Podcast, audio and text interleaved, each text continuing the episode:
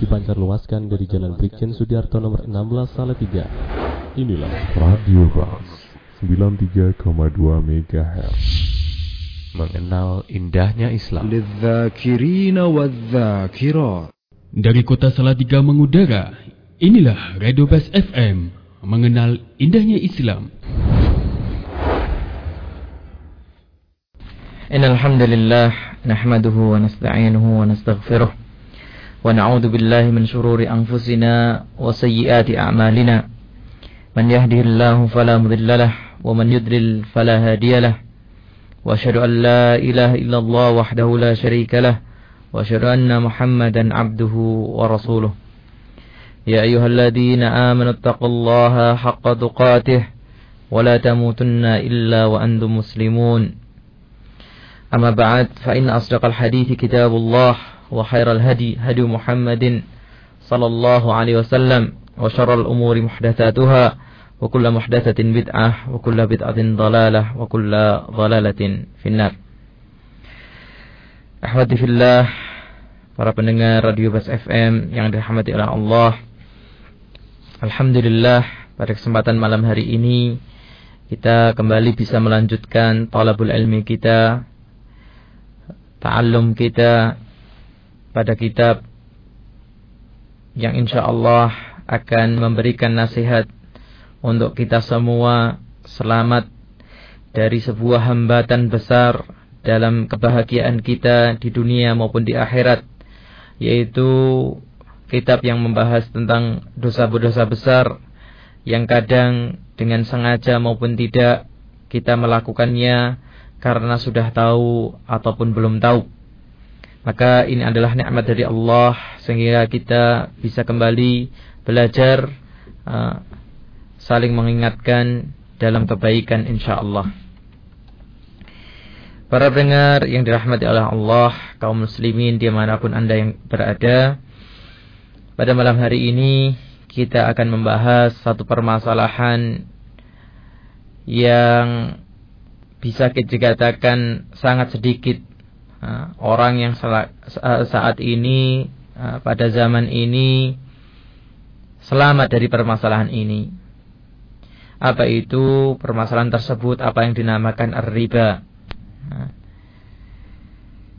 Rasulullah Sallallahu Alaihi Wasallam dalam sebuah hadisnya yang sahih yang diriatkan oleh Imam Al Bukhari rahimahullah taala bersabda Rasulullah SAW bersabda la ya'tiyanna yawmun.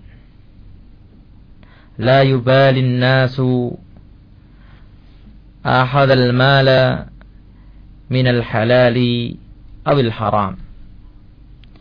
Sungguh akan datang kepada manusia sungguh akan datang suatu hari di mana manusia itu sudah tidak memperdulikan lagi dari mana dia mengambil hartanya? Apakah dari yang halal atau yang haram? Maka kalau kita cocokkan kondisi kita saat ini kondisi kebanyakan manusia pada hari ini maka rasanya hadis ini sudah terjadi. Kesulitan hidup, susahnya mencari kerja, sulitnya mencari uang, mendorong banyak orang. Tidak peduli lagi, tidak bisa me lagi membedakan mana yang halal dan mana yang haram. Dan di antara yang haram adalah apa yang dinamakan riba. Allah berfirman, "Wa halallahu al-bai'a wa harrama riba Sesungguhnya Allah telah menghalalkan jual beli dan mengharamkan riba. Di mana sebenarnya kalau kita melihat bentuk atau yang dimaksudkan dengan riba maka sebenarnya riba itu bagian atau mirip dengan jual beli. Di mana riba itu adalah sebuah transaksi juga. Sebuah kesepakatan juga tapi kesepakatan ini merugikan sebuah pihak entah dengan ridhonya atau dengan keterpaksaannya lebih seringnya sehingga terjadi kezaliman di situ tidak seperti jual beli yang masing-masing saling diuntungkan dan masing-masing mendapatkan keridhaan dari rekan bertransaksinya. Riba sendiri, kita akan kupas sedikit gitu ya tentang riba ini walaupun sebenarnya fikih riba ini sangat luas bahkan seperti disampaikan oleh Imam Ibnu Katsir bahwasanya riba adalah satu bentuk muamalah yang paling sulit karena pinternya orang berhilah, pinternya orang uh, ngeles gitu ya bahasanya sekarang. Untuk supaya tidak dinamakan transaksinya itu, itu riba diputer-puter, ditutup-tutupi, di apa dipindahkan dari satu transaksi ke transaksi yang lain sehingga ribanya itu tidak kelihatan. Maka yang mungkin perlu kita ketahui bersama di sini adalah jenis atau bentuk-bentuk transaksi riba yang merupakan transaksi asal muasal atau induk atau pokoknya dari transaksi riba itu seperti apa. Walaupun nanti ternyata dari empat induknya ini bisa beranak pinak menjadi berbagai macam transaksi yang kadang kalau bukan ahlinya tidak kelihatan itu sebagai riba. Maka Sebagian ulama membagi uh, riba itu ada yang menjadi dua yaitu riba fadl dan riba an-nasi'ah. riba yang didapatkan oleh tambahan dan riba yang disebabkan oleh waktu atau tidak terjadinya kesepakatan itu atau transaksi itu secara tunai dan ada yang membagi sampai empat macam. Kita coba ulas kepada yang empat macam supaya mungkin uh, lebih luas pengetahuan kita. Yang pertama, ada yang dinamakan riba fadl. Dikatakan wa huwa bai'u jinsaini mutafadilaini yashtaritu ma at-tamathul yaitu menjual barang yang sejenis tetapi dengan jumlah yang berbeda. Contohnya orang menjual emas dengan kualitas baik 100 gram emas kemudian sama-sama emas karena kualitasnya di bawahnya dijual 100 gram tadi yang baik dijual dengan 150 atau 200 gram emas yang kualitas di bawahnya. Atau misalnya menjual kurma kalau bagi orang Arab atau kalau orang sini, orang kita berarti beras. Beras kualitas yang bagus ditukar dengan beras yang kualitas rendah sama-sama beras tapi kemudian dibedakan timbangannya. Yang bagus 10 kilo dijual ditukar dengan 20 kilo yang kualitas buruk bahkan mungkin sampai 50 kilo. Nah, ini dinamakan riba fadl. Adanya tafadul, adanya perbedaan antara satu jenis eh, satu barang dengan barang yang dibarterkannya. Ini biasanya transaksi ini terjadi atau riba ini terjadi pada transaksi yang namanya barter, tukar barang. Kemudian jenis yang kedua adalah riba nasi'ah. Yaitu wahwa bai'u jinsaini nasi'atan yushtaratu fihima al-hulul kabai'i mi'ati jaramin zahaban halatan bimi'ati jaram zahaban muajjalatan yaitu menjual sejenis barang, barang yang sejenis, tapi tidak tunai. Dan ini juga transaksi barter. Yaitu menukar sebuah barang dengan barang yang sama, dengan jumlah yang sama, tetapi dalam waktu yang tidak sama. Jadi penyerahannya tidak berbarengan. Seperti misalnya tadi, seorang menjual 100 gram menukarkan 100 gram emasnya dengan sama-sama 100 gram emas tapi yang satunya menyerahkannya sebulan lagi atau setahun lagi. Itu dikatakan riba nasi nasiah. Kemudian yang ketiga adalah riba al-qabd. Wa huwa bai' bai'u jinsaini yushtaratu fihi ma at-taqabud fi majlis al-aqdi bila taqabud.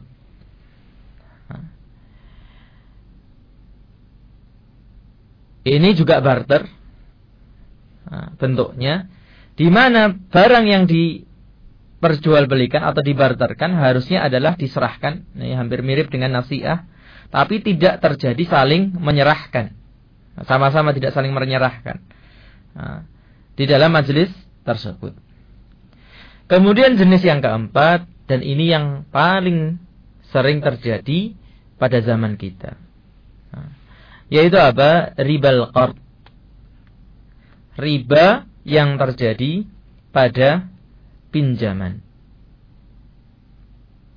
yaitu al-qardu bi syartil manfaah. Yaitu setiap pinjaman yang disyaratkan ada manfaat di dalamnya. Maka setiap ada tambahan karena hubungannya ada kaitannya dengan hutang tadi, bentuknya apa pun manfaat bisa tambahan uang ketika mengembalikan manfaat itu. Atau bisa bentuknya yang lain. Asalkan kamu begini, asalkan kamu ngasih aku ini, asalkan kamu meminjami aku ini dan itu. Para ulama memberikan kaidah kullu qardin jarafihi apa kullu qardin jarafihi al-manfa'ah atau carat fihi manfaah fahuwa riba. Hmm. Di setiap uh, transaksi pinjam meminjam yang meminjamkan itu memanfaatkan pinjamannya itu untuk mengambil manfaat dari pinjamannya itu maka sudah terjadi padanya riba. Dan itu yang banyak terjadi pada transaksi kita sehari-hari. Nah, di mana banyak di antara kita yang tidak tahu kalau ternyata ini adalah dosa besar.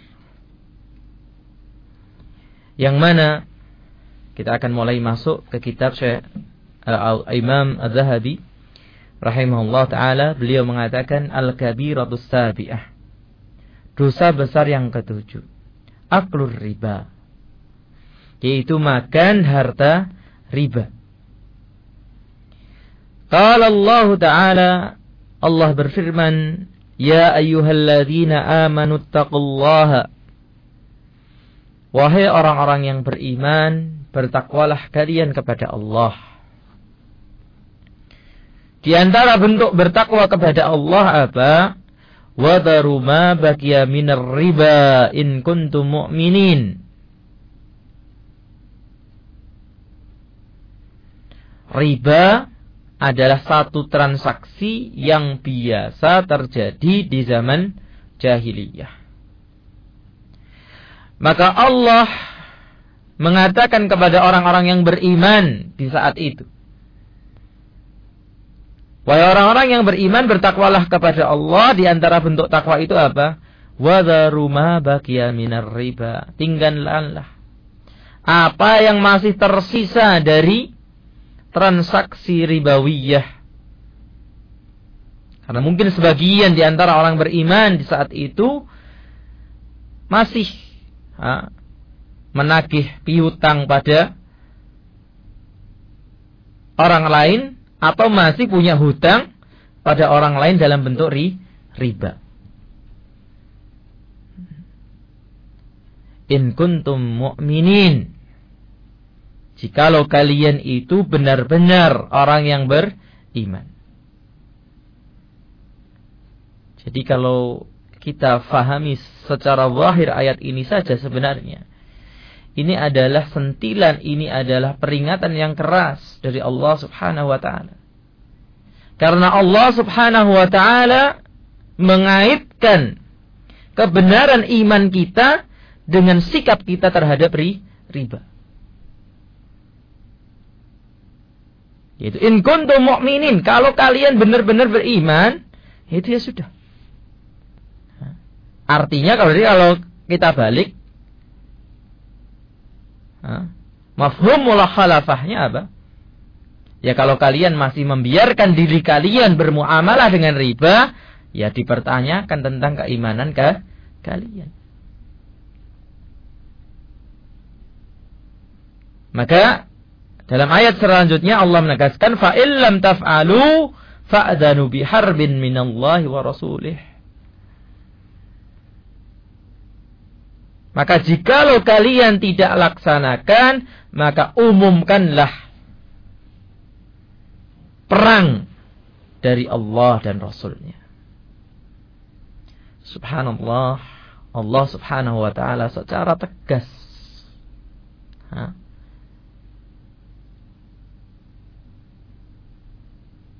mengingatkan, melarang. Tadi dikaitkan dengan keimanan, kemudian setelahnya yang tidak mau itu siap-siap diperangi oleh Allah. Kenapa? Pertanyaannya begitu tegasnya. Karena ya muamalah sih. Hmm? Kadang kita terjebak dalam terminologi, dalam uh, pengistilahan ha? yaitu usul dan furu. Usul itu akidah? Furu itu masalah fikih, muamalah, ibadah. Hmm. Ini kan masalah furu kenapa begitu keras ya Allah gitu ya. Kadang orang seperti itu kadang kalau masalah akidah oke lah gitu. Tapi ternyata kalau kita perhatikan khususnya masalah riba ini riba itu merusak tatanan sosial masyarakat dan buktinya belum jauh. Hmm. 13 tahun yang lalu kita mengalami kegoncangan juga karena transaksi ribawiyah. Dan tentunya juga banyak faktor yang lain. Salah satunya. Nah. Belum lama ini juga goncangnya bahkan sampai sekarang masih terasa. Nah Amerika dan Eropa. Itu juga karena transaksi riba, ribawiyah.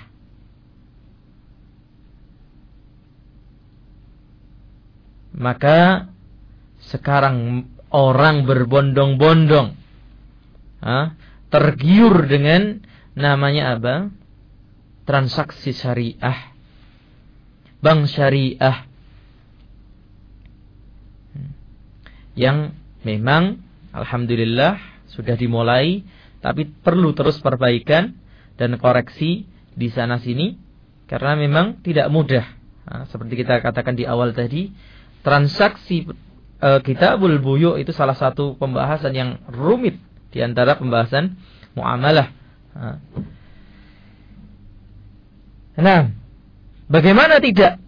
Nah, riba itu menghancurkan sebuah tatanan sosial masyarakat kalau riba itu adalah prinsipnya menguntungkan satu pihak dan merugikan pihak yang lain.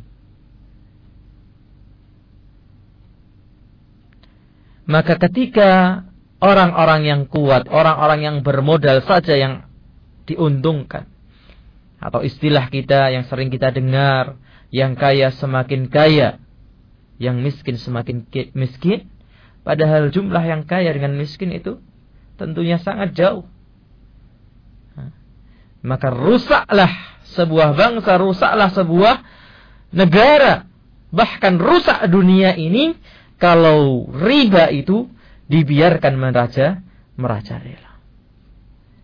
Maka Allah ingin menegaskan setegas-tegasnya dengan kata apa? Fa'zanu biharb umumkanlah peperangan.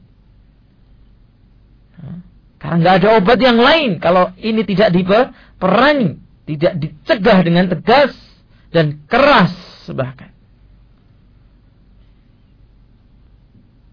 Dan Allah memisalkan dalam firman-Nya yang lain. Wa qala ta'ala dan Allah berfirman, "Alladzina ya'kuluna riba la yakumuna illa kama yakumul ladzi yatahabbatuhu asyaitanu minal mas." Orang yang makan harta riba tidaklah dia berjalan, dialah dia berdiri kecuali seperti berdirinya orang yang sedang kesurupan. Hah? Sempoyongan. Hah? Nah, apakah orang yang seperti ini bisa dianggalkan untuk membangun masyarakat yang baik?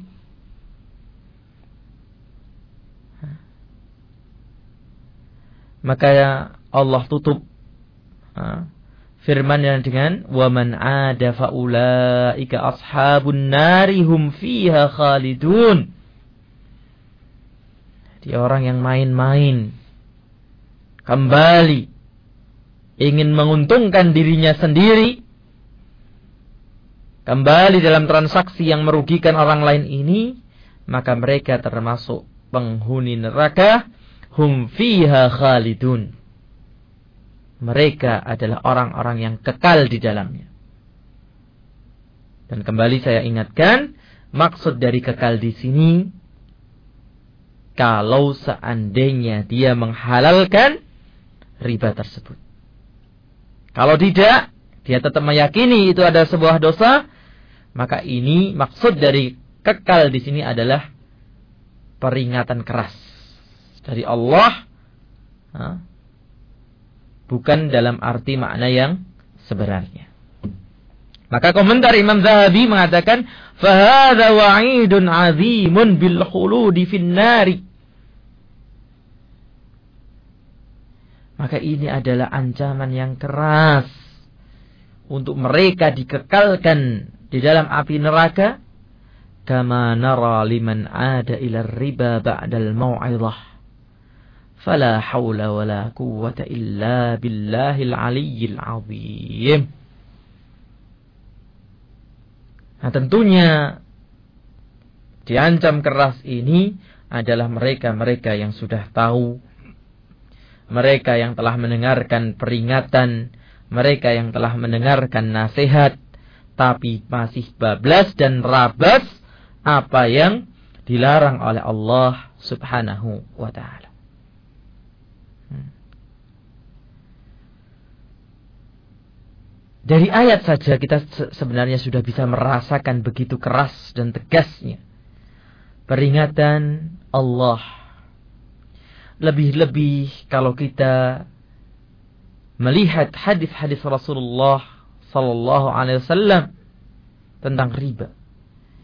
Maka Rasulullah menjabarkan lebih terang, lebih tegas, lebih keras lagi tentang masalah riba ini.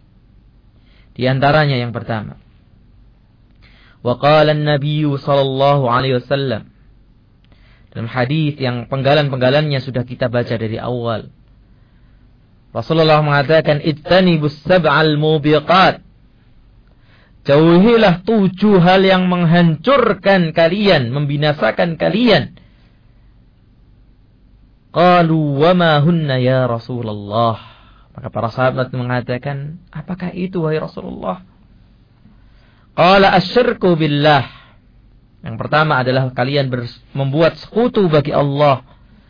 Mensekutukan Allah, berbuat syirik terhadap Allah subhanahu wa ta'ala. Kemudian wasihru. Kalian main-main, belajar maupun mempercayai sihir wa qatlun nafsil lati harramallahu illa bil Kemudian membunuh jiwa yang maksum yang telah diharamkan oleh Allah pembunuhannya kecuali dengan kebenaran. Dia melakukan pembunuhan di kisos. Dia melakukan perzinaan dirajam. Wa aklur riba. Ini yang masuk dalam pembahasan kita. Dan makan harta harta riba. Maka harta riba itu menghancurkan amalan kita. Dan seperti saya jelaskan tadi, ini menghancurkan tatanan dan bangunan ke masyarakat. Wa aklu malil yatim. Dan memakan hartanya anak yatim. Insya Allah menjadi pembahasan kita setelahnya. Wattawalli yawma zahfi. Dan lari dari medan perang pada hari bertemunya dua saf kaum muslimin dan musuhnya. Wa qadhful muhsanatil ghafilatil.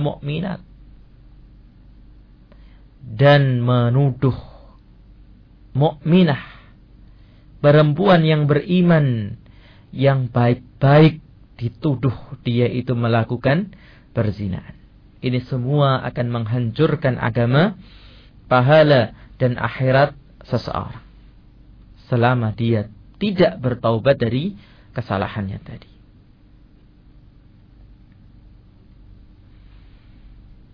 Dalam hadis yang lain, nah, yang diriwayatkan nah, oleh para ahli hadis menyebutkan tentang bahaya riba. Bahwasannya riba itu punya sekian, eh, 70 sekian pintu atau tingkatan dan tingkatan yang paling rendah kata Rasulullah sallallahu alaihi wasallam seperti seseorang berzina dengan ibunya wal billah zina saja itu sesuatu yang menjijikkan. Satu yang hina. Nah bagaimana dengan ibunya sendiri kalau terjadi perbuatan zina itu? Nah itu adalah tingkatan paling rendah dari riba. Nah bagaimana dengan tingkat yang paling tinggi? Wal'iyadzubillah. Saking kerasnya Rasulullah ingin mengingatkan kepada kita bahaya bahaya riba. Bahkan saking bahayanya riba ini semua yang terlibat dalamnya hmm, itu terkena getah dari riba ini. Baik pelakunya langsung maupun yang tidak langsung. Rasulullah SAW dalam hadis yang sahih dilihatkan oleh Imam Bukhari mengatakan وقال صلى الله عليه وسلم آكل الربا وموكله وكاتبه إذا علم ذلك ملعونون على لسان محمد صلى الله عليه وسلم يوم القيامة Pemakan riba atau yang memberikan makanan dari harta yang riba, bahkan yang hanya sekedar menulisnya. Jikalau mereka itu tahu bahayanya riba ini maka mereka pada hari kiamat akan langsung dilaknati oleh Rasulullah sallallahu alaihi wasallam Maka dalam hadis yang lain yang dilihatkan oleh Imam Muslim Rasulullah SAW mengatakan la'anallahu akilar riba wa mukilah.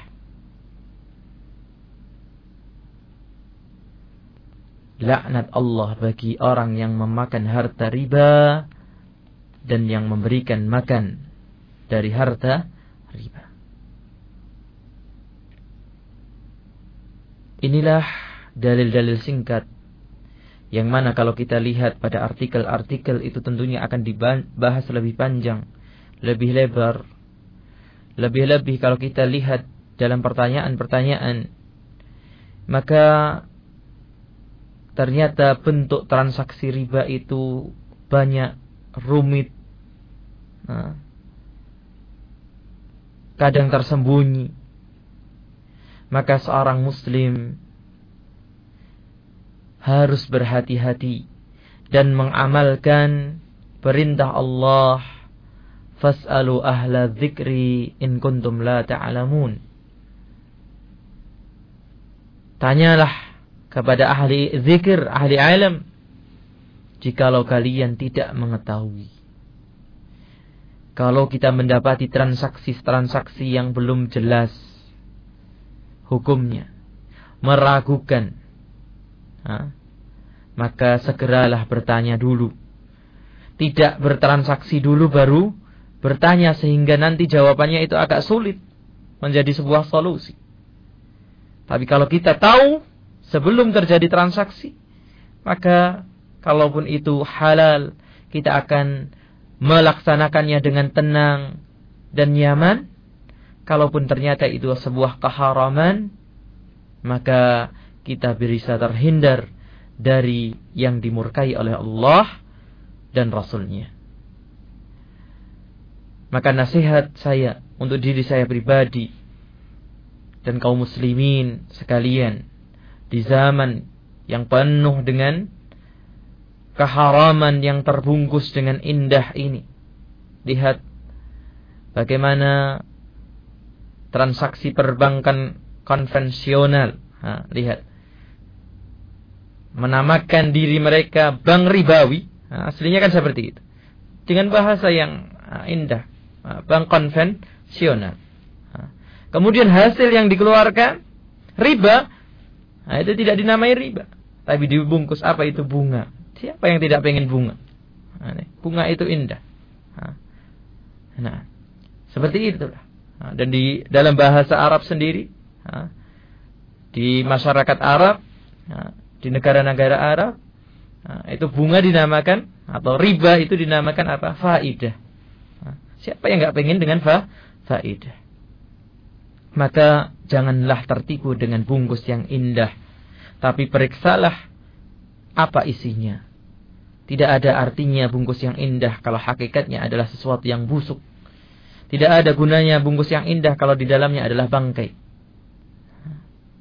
tidak ada seorang yang mau sesuatu yang busuk tidak ada seorang yang mau bangkai. Sikap kehati-hatian itu yang kita perlukan di saat ini. Di mana Rasulullah SAW dalam sebuah hadisnya yang sahih mengatakan innal halala bayyinun. Yang halal itu sudah jelas. Wa innal harama bayyinun. Maupun yang yang haram juga sudah jelas. Tapi wa bainahuma umurun mustabihat antara yang halal dan haram itu ada perkara-perkara yang masih semu. Masih tidak diketahui. Khususnya siapa? Kebanyakan manusia.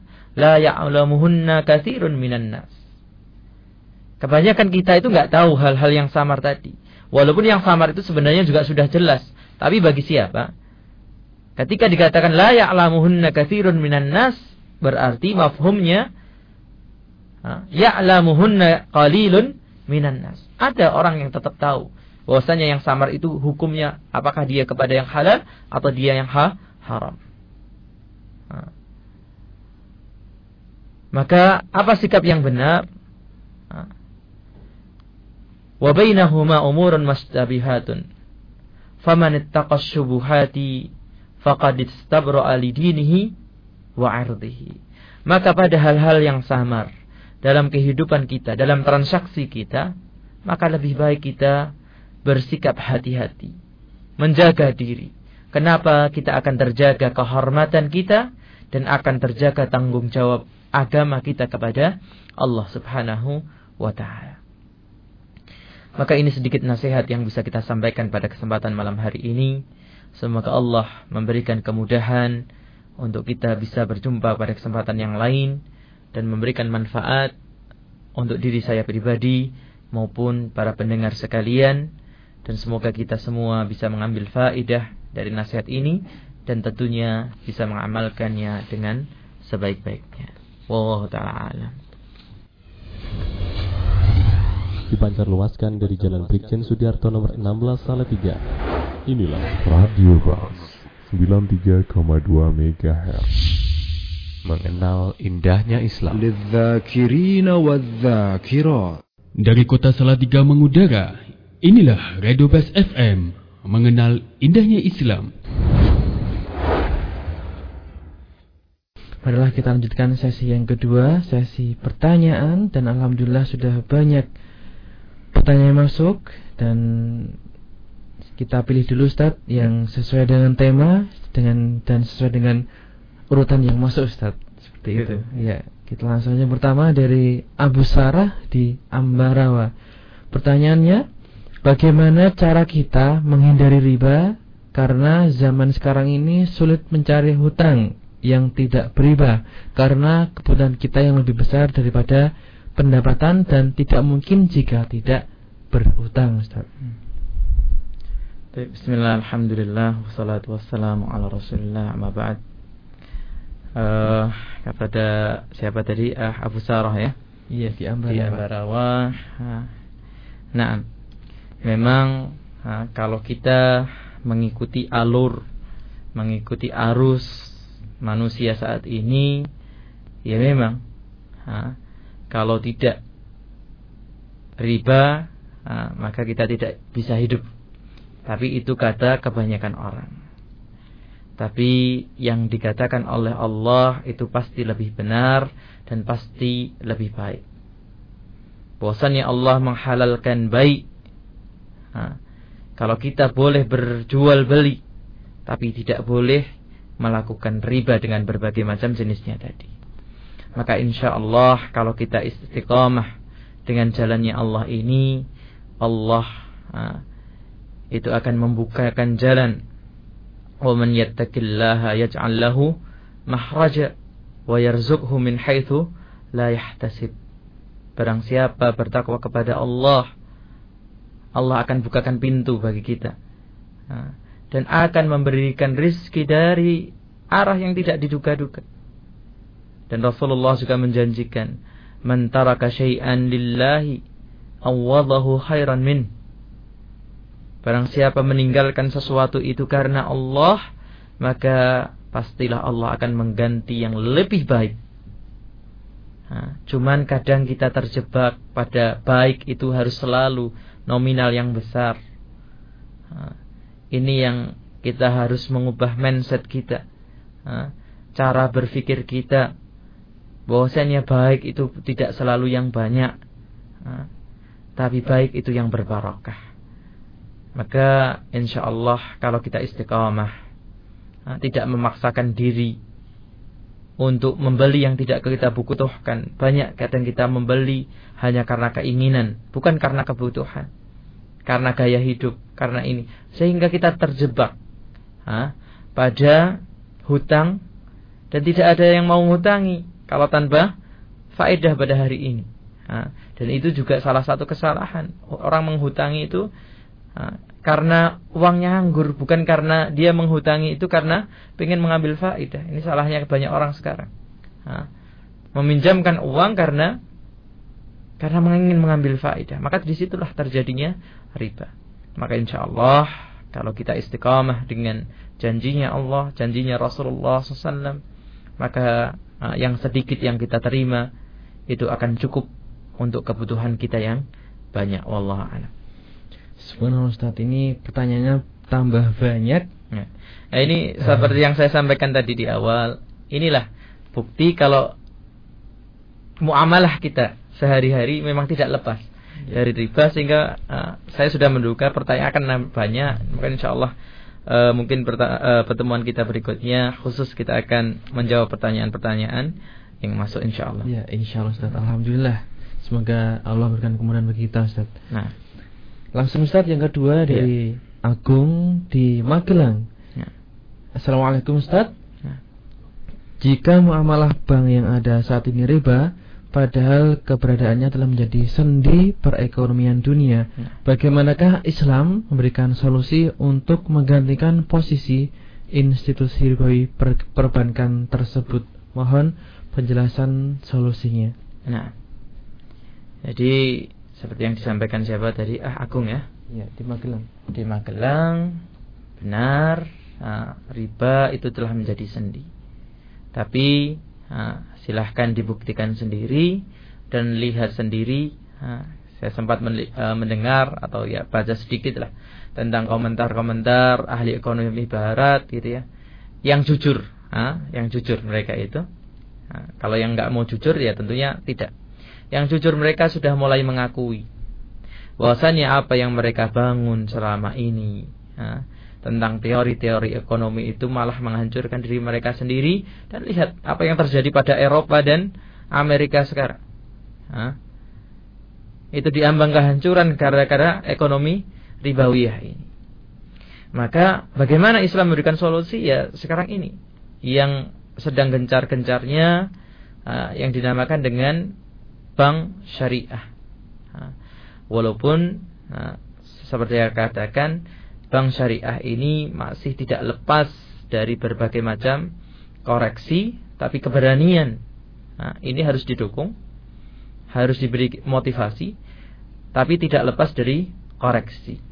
Maka ini juga masukan bagi eh, bank-bank syariah, keberanian mereka untuk mengatakan diri mereka sebagai bank syariah, maka di saat yang sama harus punya keberanian membuka pintu untuk masukan-masukan, untuk koreksi-koreksi, bahwasannya mungkin sebagian amalan-amalan mereka, transaksi-transaksi mereka masih tersamar, masih berbau ribawiyah. Maka ini harus ada kerjasama yang terus menerus antara kaum muslimin wa ta'awanu 'alal birri wat taqwa wa ta'awanu 'alal itsmi wal 'udwan dan saling tolong menolonglah kalian dalam kebaikan dan ketakwaan dan saling, jangan saling tolong menolong dalam dosa dan permusuhan. Allah alam kelihatannya karena waktu baru dua ini yang bisa saya jawab pada kesempatan malam hari ini. Uh, insya Allah seperti saya sampaikan tadi uh, karena materi uh, ini perlu banyak jawaban atas pertanyaan tadi yang masuk insya Allah uh, kesempatan pertemuannya kita pekan depan uh, kita khususkan untuk menjawab pertanyaan-pertanyaan yang telah disampaikan insya Allah. Jadi kita simpulkan uh, di akhir pertemuan kita ini, marilah kita berhati-hati dari transaksi riba dan dari pertanyaan-pertanyaan masuk tadi banyak yang ragu uh, terhadap transaksi atau tempat kerja atau apa yang mereka lakukan, maka tanya dulu Nah, kalau memang darurat segera tanya. Jangan nunggu pekan depan, gitu ya. Kalau memang mau bertransaksi besok, ya, ya jangan transaksi dulu, kecuali sudah tanya, nah, gitu. Nah, atau kalau bisa ditunda transaksinya, ya berarti silahkan tunggu pekan depan. Insya Allah kita jawab. Semoga kita bisa terjaga dari dosa besar yang banyak di antara kita tidak merasa ini sebagai dosa besar. Wallahu alam subhanakallahumma wa bihamdika asyhadu an la ilaha illa anta astaghfiruka wa atubu ilaik. Dipancar luaskan dari Jalan Brigjen Sudiarto nomor 16 Salatiga. Inilah Radio Bas 93,2 MHz.